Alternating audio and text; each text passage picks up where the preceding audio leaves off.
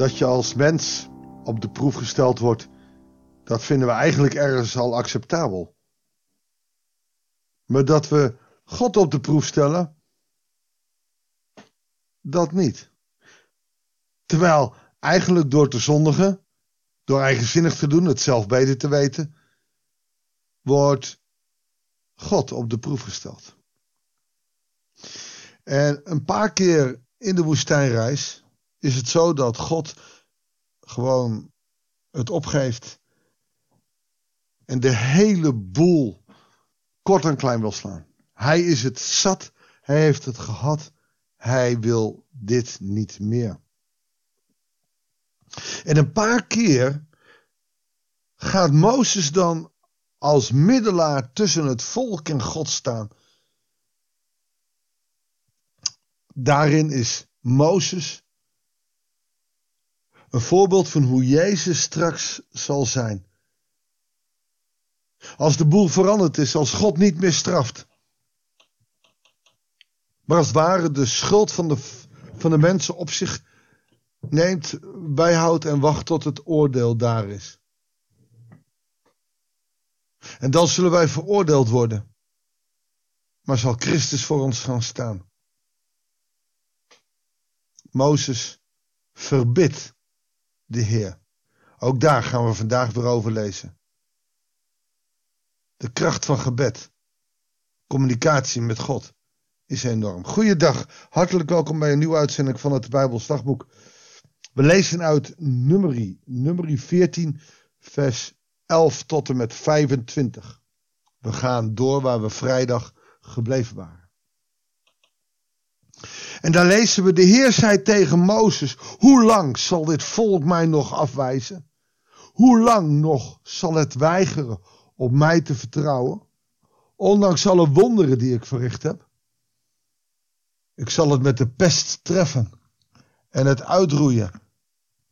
In jou zal ik een volk laten voortkomen dat groter en sterker is dan dit. Oftewel, hij wil met Mozes verder. Zoals hij met Noach verder is gegaan. En de rest zal hij met de pest treffen en uitroeien.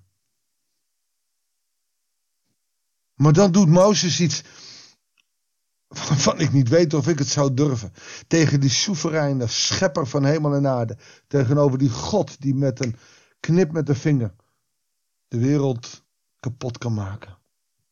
Het bij Noach gezegd heeft, doe ik niet meer. Maar nu zo furieus is dat Mozes moet inspringen. En Mozes zegt tegen de Heer, als de Egyptenaren bij wie u dit volk met krachtige arm weggeleid hebt, dat te weten komen, zullen zij het vertellen aan de inwoners van dit land. Die hebben gehoord dat u, Heer, te midden van dit volk verblijft en dat u persoonlijk aan hen bent verschenen. Dat uw wolk boven hen hangt en dat u overdag in een wolkolom voor hen uitgaat en s'nachts in een vuurzeil. Als u nu iedereen van dit volk doodt, zullen alle volken die over uw daden hebben gehoord zeggen: De Heer was zeker niet in staat om dat volk naar het land te brengen dat hij onder ede beloofd had. Daarom heeft hij hen in de woestijn afgeslacht. Laat daarom zien hoe groot uw verdraagzaamheid is, Heer. Wauw, ik vind nogal wat. Mozes doet hier een beroep op de langmoedigheid of de zachtmoedigheid van God. En dat is nogal wat. Onlangs mocht ik spreken over de term zachtmoedigheid. Weet je dat om zachtmoedig te zijn je heel krachtig moet zijn? God kan dit land, kan, sorry, dit volk in één keer uitroeien. Of hij het nou met de pest doet, of met vuur, of hoe dan ook. En daar heeft het volk ook genoeg van gezien in Egypte. Maar Mozes zegt: God, wat zullen de andere volken zeggen van u? Niet van het volk, want Mozes weet als geen ander dat het volk het niet waard is om gered te worden. Maar wat zullen de volken zeggen als ze weten dat u dit volk niet eens heel huids in het beloofde land kon brengen? Ik smeek u, Toon met uw grote trouw en vergeef dit volk zijn schuld, zoals u het steeds vergiffenis hebt geschonken. Van Egypte af tot hiertoe. Mozes bidt tot God. En hij probeert het volk te redden door God op andere gedachten te brengen. Het volk het niet verdient. Het volk klaagt, klaagt, klaagt, klaagt. Nadat ze uit Egypte gered zijn. Nadat ze door de Rietzee gered zijn. En het volk klaagt. En God wil het volk met de grond gelijk maken. Maar Mozes zegt, u hebt het beloofd. Denk wat de mensen in de andere landen door de Egyptenaren zullen zeggen. Wil het alstublieft vergeven. De Heer antwoordde, ik zal vergeving schenken zoals jij het vraagt. Maar zo waar als ik leef en de hele aarde vervuld is van de majesteit van de Heer. Niemand van degenen die mijn majesteit gezien hebben en de wonderen die ik in Egypte en de woestijn heb verricht en die mij nu al tien keer op de proef hebben gesteld door mij niet te gehoorzamen, zal het land zien dat ik hun voorouders zonder ede beloofd heb. Niemand van hen die mij hebben afgewezen krijgt het te zien. Maar mijn dienaar Caleb, die door een andere geest bezield was en mij volkomen trouw is geweest, hem zal ik naar het land brengen waar hij geweest is, en zijn nakomelingen zullen het bezitten. Nu wonen daar de Amalekieten en de Kanieten nog in de valleien. Keer morgen trekt de woestijn weer in, in de richting van de Rode Zee.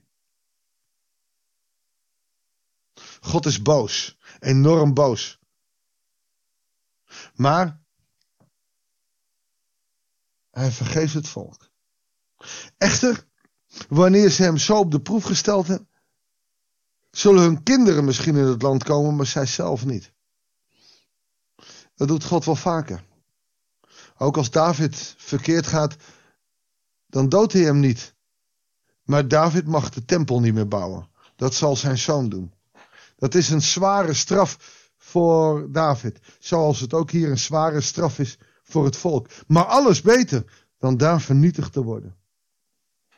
En niet eens voor het volk. Want als je dan toch niet in het volk waar wat beloofd was, in het land wat beloofd is aankomt, waarom dan nog veertig jaar zwalken? Maar de mens kiest altijd voor het leven. En misschien, misschien is hij wel weer te verbidden. Inmiddels hoeven wij niet meer een land te veroveren. Maar verdienen we het ook niet om door onze zonde wij telkens weer verwijderen van God. Hoe zal het zijn als wij voor zijn aangezicht komen te staan en hij onze zonde en alles wat we verkeerd doen onder ogen brengt? Weet je, dan hebben wij mazzel.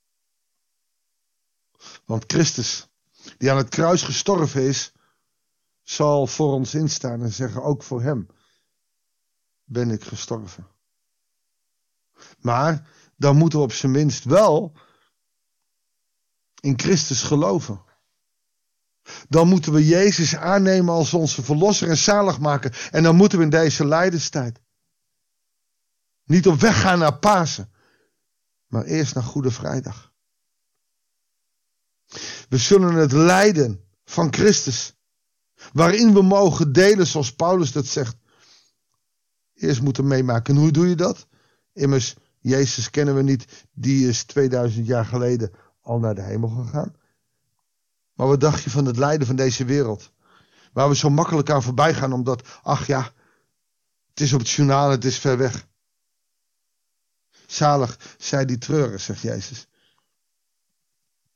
en ik zal ze troosten. Wij, wij moeten op Jezus gefocust blijven. Door Jezus de wereld zien niet depressief worden, maar hoop krijgen dat Hij de wereld zal redden. Dat er hoop is voor de wereld, hoop is voor andere mensen en dus ook voor jou. Jezus zal de wereld redden. En dat heeft hij gedaan door zijn dood.